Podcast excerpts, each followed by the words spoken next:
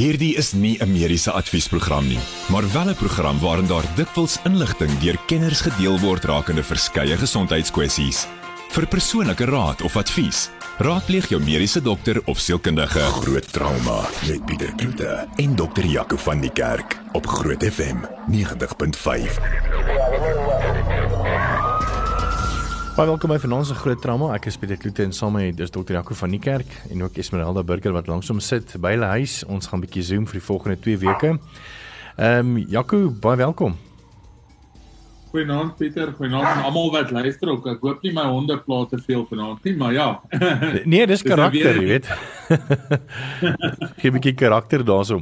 Ja, goed, lyk vir ons gaan ons probeer wegskram van uh, nuusgebeure om miskien nog nie te praat oor COVID-19 vanaand nie, maar ek dink dit gaan verseker nie gebeur nie want daar's net te veel om te sê oor COVID-19. Ehm um, ek sien dat ehm um, een van die professors Guy Richards, hy sê emeritus professor ehm um, vir kritieke sorg aan die Universiteit van Witwatersrand sê dit gaan eers erger word voordat dit gaan beter word in Gauteng. Ek weet nie. Ja, Pieter, um ek professor Richards is 'n is 'n wêreldbekende in kritieke sorgkringe en um hy's gewoonlik altyd op op die punt af en en uh, reg met sy voorspellings ook. Um hy sê ons het nog steeds gesondheidswerkers wat 'n tekort is, gesondheid of beddens, hospitaalbeddens en intensiewe sorgeenheid beddens wat 'n tekort is. En die probleem is dat tot in die middel van Junie was die beta variant van COVID-19 die oorheersende variant en nou ons is nou 7 weke volgens volgens sommige van die statistikus ouens um, in hierdie derde golf en um, ons jy weet na die 7de week sit ons nou met die Delta variant wat van Junie af um bygekom het wat in die eerste twee gevalle of eerste twee vlae nie so was nie. Um omdat ons op daai stadium oorweeg net een een variant gehad het. So ons sou waarskynlik in die volgende week wat ons piek bereik het, maar dit is nou eintlik eintlik nie meer van toepassing nie en ek dink met die Delta variant wat bygekom het, gaan ons al hoe um 'n langer derde vlaag hê met groter probleme. En ehm um, as mens kyk die tempo wat die hospitale vol word en nie net die privaat praktyk nie, men daar waar ek werk is vol vol vol. Mm. Ehm um, ook die staatssektor dan sit ons met 'n groot probleem en ek dink dit gaan 'n baie groter vlaag wees as die eerste twee vlae ehm um, wat ons beleef het. Net vir ons na die volgende storie toe gaan ek moet sê ehm um, daar was 'n ongelooflike mooi artikel wat geskryf is in 'n rapport die afgelope week van jou en van Jacques en 'n paar ander dokters uh oor die meer emosionele kant en weet hoe dit gaan. Ehm um, en dit gee vir mense 'n bietjie half 'n 'n blink uh in die skoene van 'n dokter en 'n verpleegster in hierdie tyd van vlaag 3. Miskien nog so 'n bietjie meer Jaco, ek wil definitief vir mense aanraai, ehm um, gaan soek daai artikel op en gaan lees dit. Dit is op 'n rapport se webblad. Ja, Pieter, ek dink weet daar's 'n groot emosionele komponent aan aan hierdie vlaag. Nie nie, nie dat die eerste twee vlae nie 'n emosionele komponent gehad het nie, maar dit wil vir ons voorkom of die delta variant ehm um, as hy jou beet kry, gaan jy of vinnig beter word of jy word vinnig slegter. Ons het altyd gesien ehm um, met die met die eerste twee vlae die ouens wat regtig sleg draai is so dag 10 tot dag 14 wat hulle dan moeilikheid kry en en die sterfte gevalle is dan eers wanneer dit begin 'n piek kry. Maar ons sien met hierdie met hierdie nuwe variant dat die mense baie vinniger doodgaan as hulle dan kompliseer wat dit baie moeilik maak um want mense tempo van sterftes is baie baie hoog um mense sit heeltyd met die situasie van jy persone wat oorlede of wat doodgaan tussen ander mense hmm. weet ons op 'n stadium 'n situasie en is nog steeds so dat ons in een cubicle moet drie mense hanteer omdat daar nie genoeg plek is nie. Sure. Um wat hartseer is is die feit en ek het ek het vandag gewerk dat dat sommige mense inkom en as jy hulle stoel aanbied um, om op te sit dan s' hulle kwaad en sê vir jou hulle het 'n mediese fonds so hulle soek 'n bed jy weet. En ek dink ons is verby die punt wat jy kan sê jy soek 'n bed. As jy 'n ja. sitplek kry jy bly wees. Um, ons ek het van, vanaand um, op pad nou huis toe om met jou te gesels het ek buite in die hospitaal het een van die verpleegpersonele bloed getrek op 'n pasiënt buite die deur in die parkeerarea omdat daar nie plek binne is nie. So ek dink dit maak dit 'n meer emosionele ding um omdat jy nog steeds mense kry daar buite ongelukkig wat nie verstaan waar wat aangaan nie, wat nie verstaan wat is die konteks waarin dinge gebeur nie en wat um, dink mens gee hulle 'n minderwaardige vorm van sorg as jy hulle nie op 'n op 'n bed alleen in 'n kamer hanteer nie. Ja. Ek dink die hele die hele gedagte van al die hospitaalgroepe en ons almal wat werk in die hospitale is om soveel as moontlik mense so goed as moontlik te help. Dit beteken nie noodwendig dat dit jy in 'n ideale wêreld leef nie en dit beteken nie dat ehm um, jy waarskynlik ICU gaan kry as jy een nodig het nie maar dit beteken wel dat ons ons beste gaan doen met dit wat ons het. En ek dink 'n boodskap dalk net vir vir mense daar buite is dat hulle bietjie dalk moet geduldig wees en of net 'n rukkie daar buite sit en kyk wat gebeur en wat is die vloei van dinge. Hmm. Ehm um, voordat hulle regtig so beklei met almal wat wat eintlik hulle bes probeer. En ek dink die personeel is baie moeg en ehm um, ek dink die die verpleegpersoneel vat baie baie houe op op hierdie stadium en ek dink ehm um, mense moet dit net ook in ag neem. Ek moet vir jou sê ek het uh, ver oggend het uh, Tanya Defender Baker ehm um, 'n plasing van 'n vroue jong dokter ek neem aan sy seker uh so 'n jaar of twee gelede klaar gemaak met met studies want sy lyk nog baie jonk. En uh, sy het ook 'n uh, uh, uh, geskrywe op haar Facebook gesit want sy sê net sy sy's letterlik net net moeg. En uh, sy sê ehm um, vandag in uh, in die trauma eenheid waar hulle weet obviously nou 'n pasiënt besig was om te risas en dis hom daarop na die volgende pasiënt toe toe stamp een van die susters aan en waar sy sê normaalweg jy weet sy sê 'n bietjie baie mislik geweest of so iets het sy eintlik maar verstaan dat weet hierdie persone is ook maar net so sy ongelooflik moeg. Ehm um, en die mense is maar 'n bietjie chirpy met mekaar en sulke goed en dit is maar net normaal. Nee definitief. Ehm um, ek dink een van die groot probleme wat ons mee sit um in hierdie vlak en en met die voriges ook, maar baie erg in hierdie een is mense lê alleen in die hospitaal en die familie is by die huis en die familie verwag dat die hospitaal inligting moet gee heeltyd en ons gaan dalk net nou daaroor praat met die poppy act en al hierdie klas van dinge. ja Ekskuus tog wat um, wat van toepassing is. Maar die probleem is um ek weet ons het nou tussen 70 en 80 pasiënte in die hospitaal waar ek werk 'n permanent wat wat positief is. As jy 80 hmm. pasiënte kan en jy moet 80 oproepe 'n dag maak, dan gaan jy nie by die pasiënte uitkom nie. ja En dis baie moeilik vir familie aan die een kant want die familie sê hulle kry nie inligting nie en die die die dokters wil nie met hulle praat nie. En aan die ander kant is dit weer um jy moet eerder die pasiënt behandel as wat jy op die foon gaan sit. So ek dink is 'n mens daai boodskap dalk net ook kan uitkry. Um, meeste van die pasiënte wil wat of wat opgeneem is, het hulle fone by hulle. Meeste het um, 'n uh, uh, selfoon chargers by hulle. So dit is nie dat hulle heeltemal glad nie kan kommunikeer nie. ja Die feit dat die dokter jou nie gaan bel om te sê noodwendig hoe dit gaan met meneer of mevrou of of of of, of wie ook al nie. Ehm um, is nie omdat hy nie wil nie, daar's letterlik regtig nie tyd nie. Ehm um, mm. ek het in 'n kwessie van 6 ure vanmiddag ehm um, 23 pasiënte gesien. Ehm um, en en jy moet vir almal die beste gee en as jy daai 23 deur die tyd deel, dan is daar letterlik nie regtig tyd om op die foon te praat nie. 100%. En dan net gou vinnig om af te sluit mee ehm um, die nuwe statistieke vandag uh, blyk nie baie goed nie. Afgelope 24 uur 19506 nuwe infeksies waarvan 11 of uh, ja althans ja 11160 in Gauteng aangemeld is.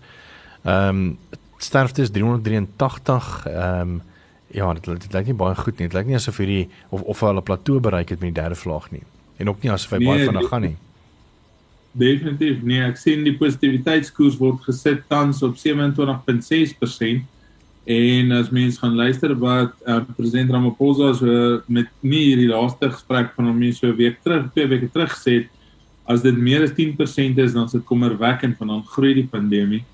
Ehm um, as jy die artikel gaan lees van professor Guy Richards sê die verdubbelingstyd is 4 of die verdubbeling is viervoudig. So vir elke een persoon wat tans in Gauteng siek word, ehm um, is die potensiaal baie hoog dat hy vier persone gaan aansteek. En ek dink dis hoekom mense hierdie groot probleem sien nou met 11160 en so in die kleinste provinsie in die land en die ander provinsies is maar net agter ons. So ek ek, ek eis om te dink wat in die res van die land nog gaan gebeur. Mm. Net om te kyk, ek ben daar's 'n 'n um, Twitter gebruiker Ridwan Suliman en hy werk letterlik net hier agter ons by by CSRI. Ehm um, en hy is 'n uh, ou wat doen te doen net met statistieke. En wat hy gedoen het was hy het ehm um, die aantal dae wat 'n uh, vlaag ehm um, bestaan gaan plot en dan maak hy natuurlik mos so 'n bietjie van 'n bergie effek en uh, die eerste vlak 1 of die eerste wave van COVID-19 het hy natuurlik aangedui as blou. Uh rooi was min of meer amper dieselfde tipe van effek, maar dit lyk vir nou met die huidige vlak is daai toringkie al reeds dubbel die hoogte as wat ehm um, as wat albei vlae saam was. Ehm um, en dit lyk vir my daar hy gaan nog 'n hele rukkie ten minste nog 'n 2 na 3 maande moontlik voordat hy weer onder punt bereik dink ek.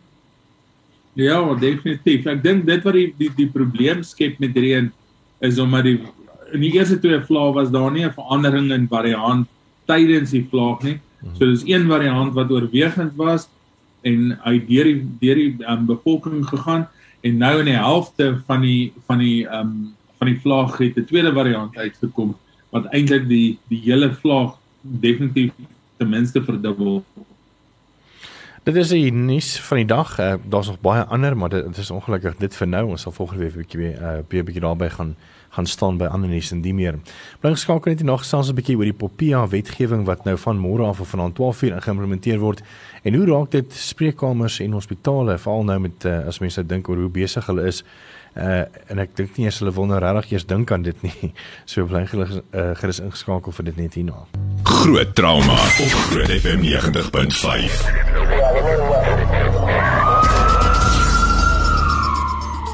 Welkom terug. Ons gesels 'n bietjie oor die Popia wetgewing en hoe dit ook natuurlik dokters en mediese personeel raak.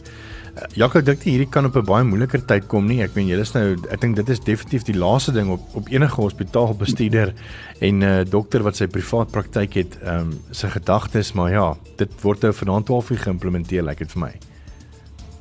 Ja, Pieter, ek dink dit dit kon nie soos jy sê op 'n slegter tyd gekom het nie. Gelukkig weet ons al 'n redelike ruk daarvan, maar die die probleem is daar's so baie administratiewe dinge wat in plek moet wees teen dan nou vanaand 12 uur soos jy sê.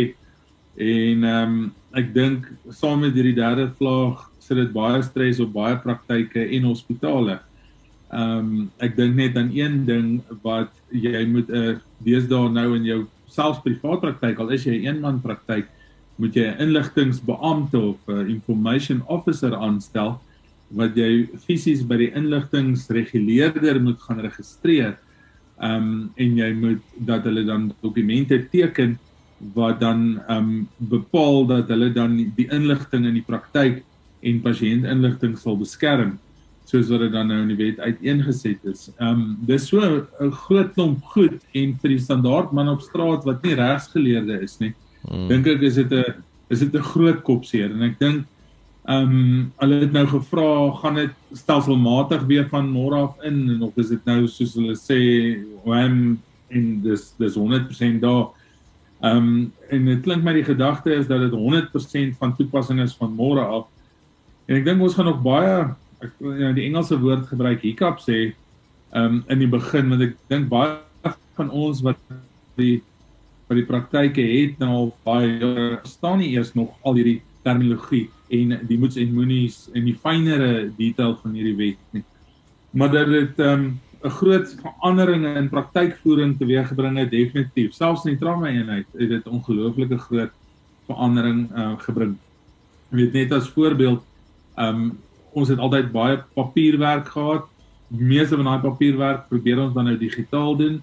Ehm um, digitaal is baie makliker net om dan met wagwoorde ensovoorts die inligting te beskerm maar tog het mense nog steeds papier nodig. So ons moes gaan en gaan leers koop ehm um, dat elke liewe pasiënt wat inkom selfs op noodbasis so inligting toegemaak kan word in daai leer sodat as die leer ergens van persoon tot persoon ehm um, jy weet oorgegee word dat niemand van buite af kan sien wat binne in die leer is nie. Dis 'n groot krisis is met goed soos bloedresultate, ekstra hulle ekstra resultate. Ehm um, en dis 'n groot groot ehm um, impak wat dit op op totale praktykvoering en ek dink dit maak aan die einde van die dag 'n groot instansie in 'n hospitaal ook dat sorg dalk bietjie stadiger in die begin gaan wees hmm. omdat 'n mens moet ehm um, omdat 'n mens moet moet ehm um, aandag gee aan al hierdie punte. Nou ja, dis dit by die Popia wetgewing. As jy meer wil weet, daar's 'n oulike artikel op Solidariteit se webblad solidariteit.co.za. Dis nou tyd vir jou mediese mite minuut saam met dokter Jaco van die kerk.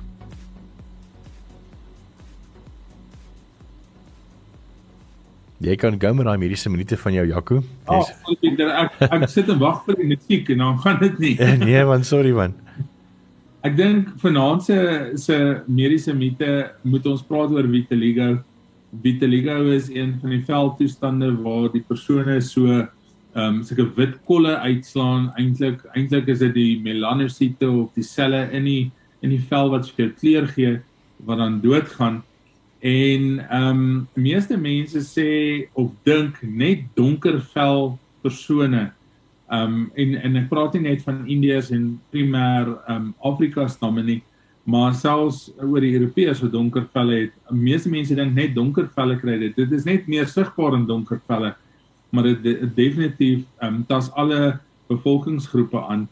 En dan is daar groot mite wat dink vitiligo of hierdie kolle word um, geassosieer met velkankers ensovoorts wat glad nie die waarheid is nie. Dit is 'n entiteit op sy eie.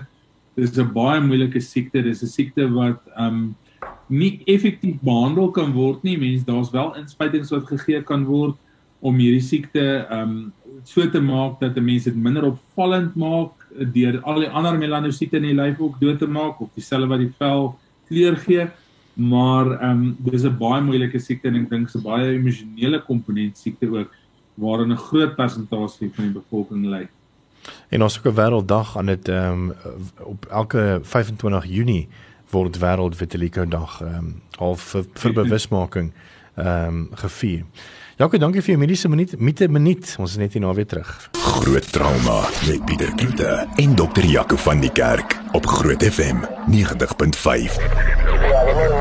Welkom terug by Groot Trauma. Dis so 25 minute weg van 9 uur af.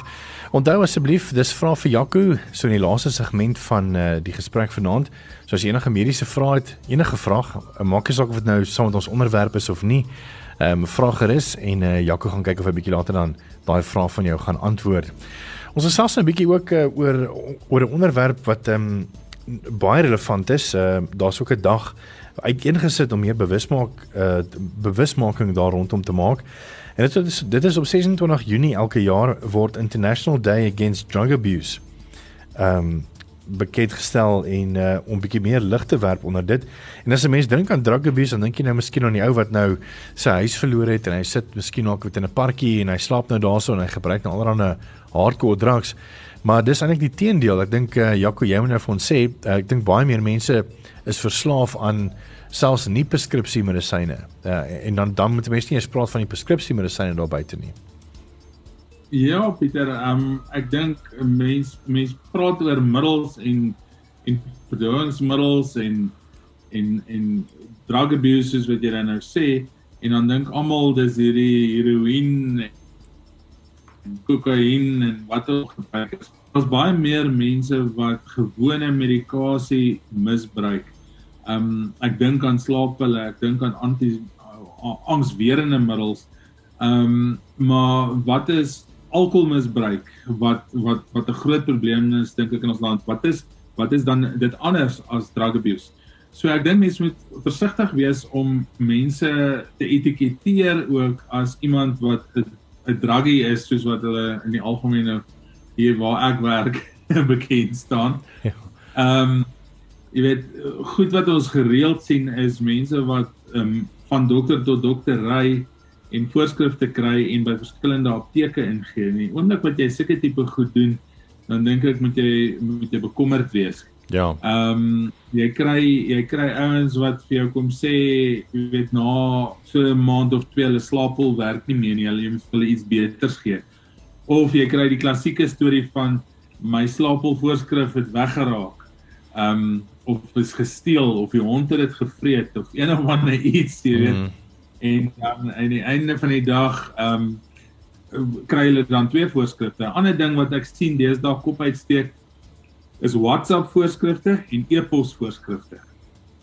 So mense sal byvoorbeeld by 'n apteker staan en vir jou bel en vra, "Yes, julle is nou daar en hulle is in die moeilikheid en hulle ken jou en jy ken hulle."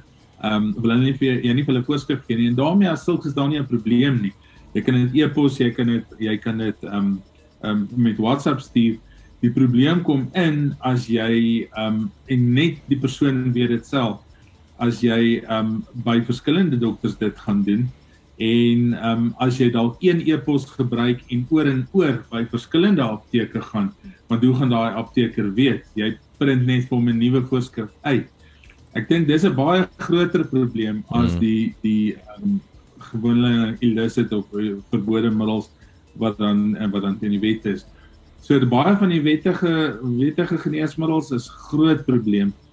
Um en sê vir daai mense jy wil nie dit vir hulle gee nie of sê vir daai mense jy wil dit beperk of jy wil hulle help om dit om daarvan van af te kom, dan um is dit die laaste hoor wat jy van hulle ja, hulle hulle sien jou nooit weer nie. Ai. Jy nog gaan hom net weer na 'n ander dokter toe, weet. Dis presies dit. En ongelukkig is daar te veel van ons. Jy weet en aan die einde van die dag, ek dink ons probeer ook mense help. So as iemand regtig sukkel met slaap, ek dink 'n groot persentasie van die van die bevolking weet hoe dit voel, dan um, het niemand van ons 'n probleem om iemand te help vir 'n 21 dae of selfs 'n 30 dae nie. Ehm um, maar as dit 'n as dit 'n gereelde ding begin raak en jy begin toleransie opbou en ek dink mense moet daar ook gaan onderskei tussen wat is afhanklikheid of verslawing en wat is toleransie. Meeste meeste ding uh, van hierdie van hierdie afhanklikheid ontwikkel eintlik relatief um, of eintlik nie nie as plus nie. Jy sal byvoorbeeld 'n toleransie opbou deur jy drink die eerste maand jou een pilletjie in die aand, volgende maand werk dit nie meer nie, dan sit jy op 2 toe, dan 3 toe, dan 4 toe om dieselfde effek te kry.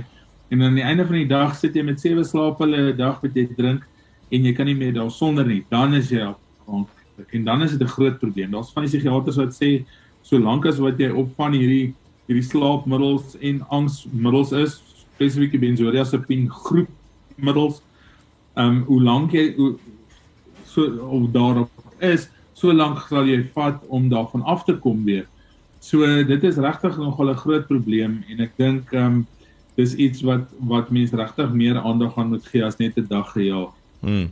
En ek moet vir sê hierdie iets iets home, ek weet uh my ma was op 'n stadium en ek weet uh, toe was nog in Middelburg gebly daar in Mpumalanga, ek weet ons almal weet dat daai lug is baie vuil daarso.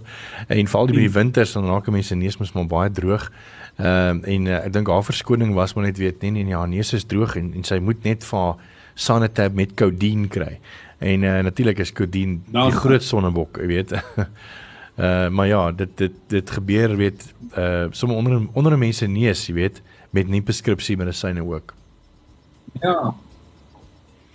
Net hier nou, daar's nogal redelik baie vrae wat uh, definitief nie. Uh, Ekskuus Jaco. Nee, ek sê dis definitief nie as prins wat mense dit noodwendig doen nie. Ja. So net hierna, daar's nogal baie vrae deurgekom met Jaco. Ehm um, en ons gaan 'n bietjie by dit stil staan met vrae vir Jaco net hierna. Ehm um, so baie dankie vir julle vrae. As jy graag nog enetjie wil inslip, is julle meer as welkom. Uh, dan gaan ons kyk of ons daar deur kan kom. Ons het dan nog so 'n bietjie tyd vanaand. Uh by 061 610 4576 en onthou standaard tariewe geld. En ons is net hierna terug om daai vraag van jou te beantwoord. Met die volgende program bo Groot FM 90.5 om jou as luisteraar met die nodige inligting oor 'n spesifieke onderwerp te voorsien. Alhoewel hierdie inligting dikwels deur 'n kenner op die gebied gedeel word, word jy aangemoedig om jou mediese dokter of sielkundige te besoek vir persoonlike advies of raad. Groot trauma met Pieter Kloete en dokter Jaco van die Kerk op Groot FM 90.5. Dis net vir vrae vir Jaco en baie dankie vir al julle vrae wat hier gekom het. Ons gaan gou vinnig kyk of ons hierdeur kan hardloop terwyl Jaco al hierdie vrae beantwoord.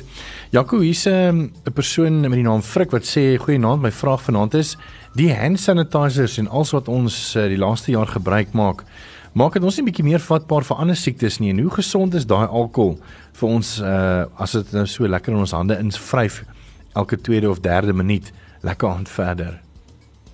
Ja, Frik, ehm um, goeienaand ek dink dit dit gaan beide kante toe. Ek dink nie dit is ons skadelik om al hierdie um alkohol te gebruik nie.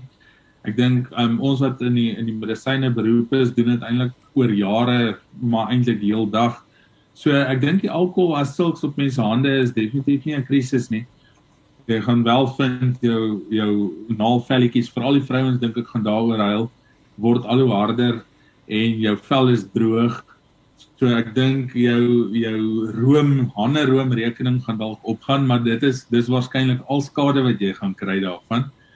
Ehm um, wat betref die die maskers en die erge sanitasie van alles Ja en nee, dink ek dit is dit is 'n probleem aan die een kant want ons is altyd gewoond gewees om met organismes in aanraking te kom wat heeltyd ons immuunstelsel stimuleer om antiliggame te maak en onsself te beskerm.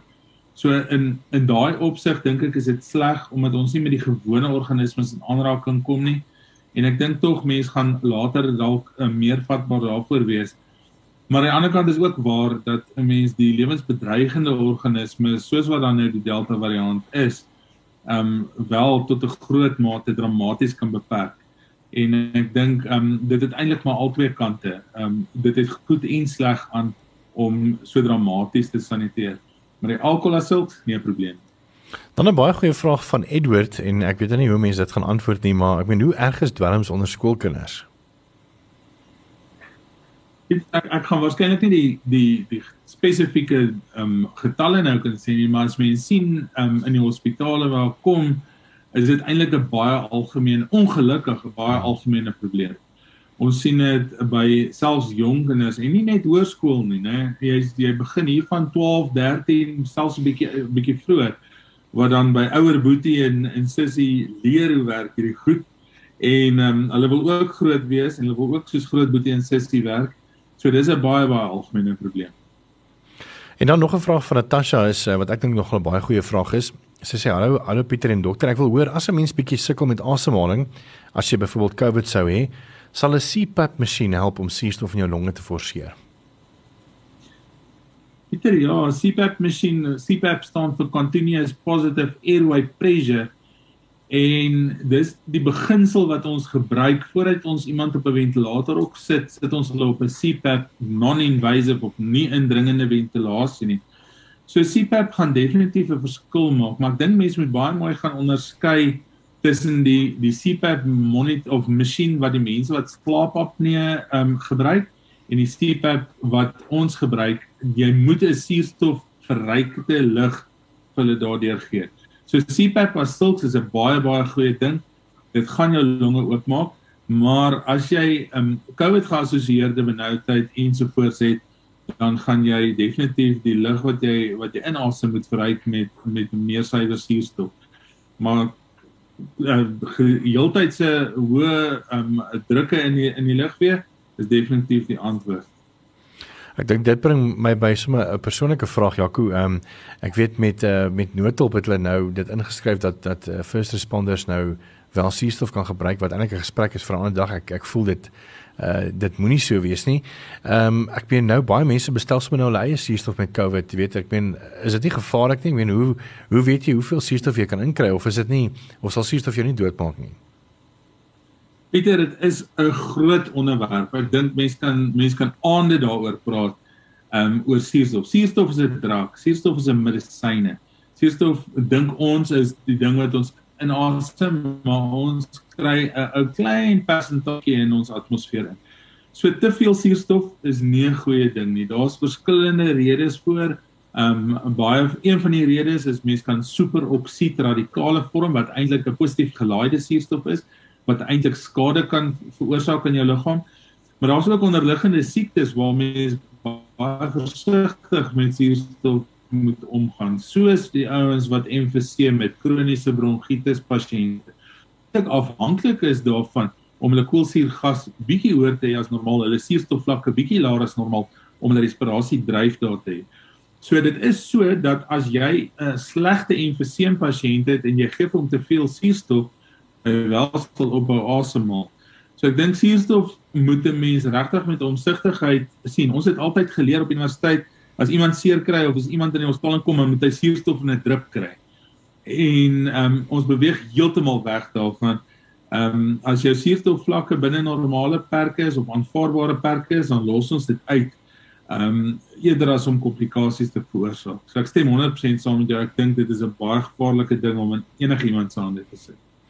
Dan vra Mariko sê hierso goeienaand Pieter die dokter, mag ek weer bloed skenk nadat ek te lank of lank terug pankreatitis en splenektomie gehad het of liewer nie?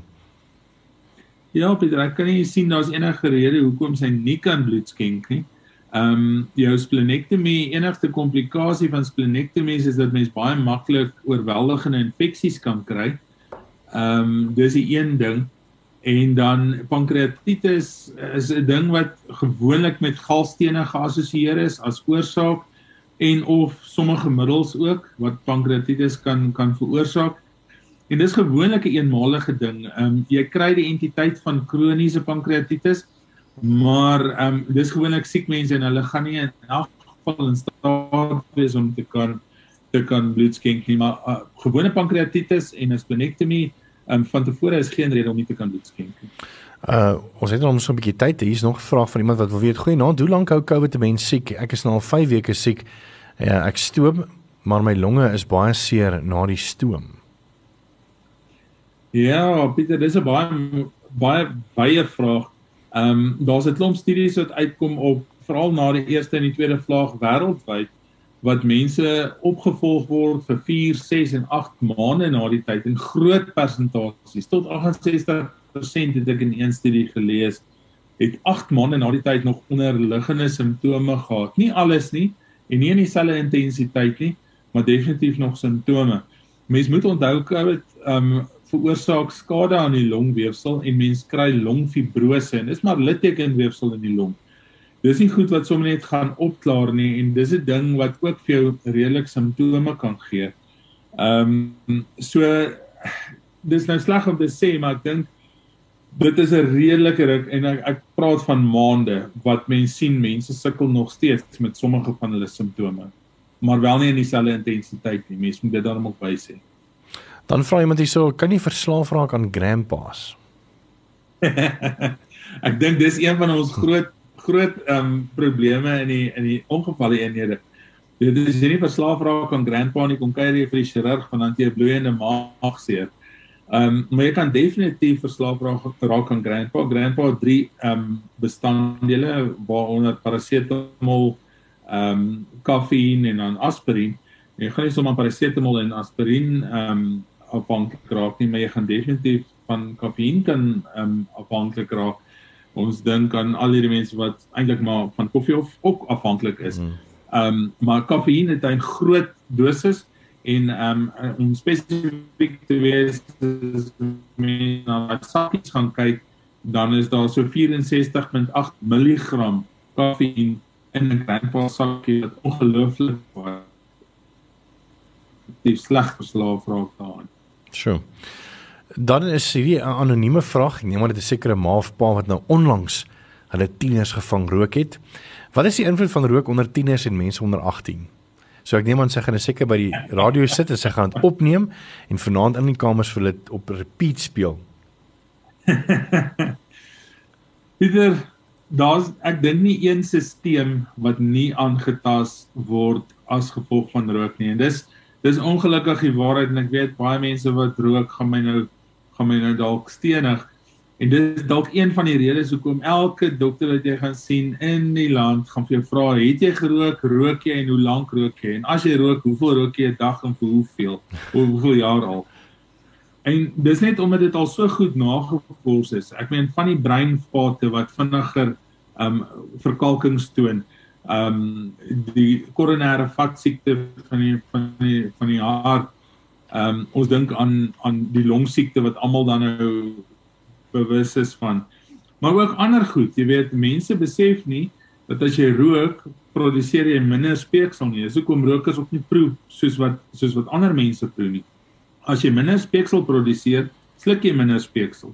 En as jy minder speeksel sluk, is daar 'n wanbalans tussen die hoeveelheid alkaliese speeksel wat in die in die maag eindig en die maagsuur wat geproduseer word. So rokers het ook 'n verhoogde risiko vir maagseer ehm um, jy weet vorming. Ehm um, en dis goed wat en en swybrand uit die aard van die saak. Dis goed wat 'n mens nie aan dink nie. Ehm um, daar's 'n veelvuldige klomp ehm um, studies wat wat vir jou sê kankeragtigheid en kankergewasse van die gastro-intestinale kanaal kan voorkom. Um, dit is regtig waar jou vel verander, jou bene raak slegter. As jy opereer word, jou herstelvermoë is minder. Jy weet daar spinaalchirurge en ortopede wat nie gaan lus wees om jou te opereer as hulle weet jy rook nie. En dis op enige ouderdom. So ek dink dit is net 'n multisisteem aantasting. Um alhoewel daar's baie mense wat dalk soos ek sê my gaan doodry as my nie straat sien. ja. Wel Jaco, daar's nog 'n paar vrae wat se ongelukkig nie kan uitkom nie, maar jy's welkom dan volgende week Woensdag gaan weer vir Jaco te vra met vrae vir Jaco. Weereens dankie vir jou tyd Jaco en uh sterkte daarso en ook uh, groete vir Esmeralda en dankie vir vanaand. Baie dankie Pieter, dankie en goeienaand aan almal. Groot FM 90.5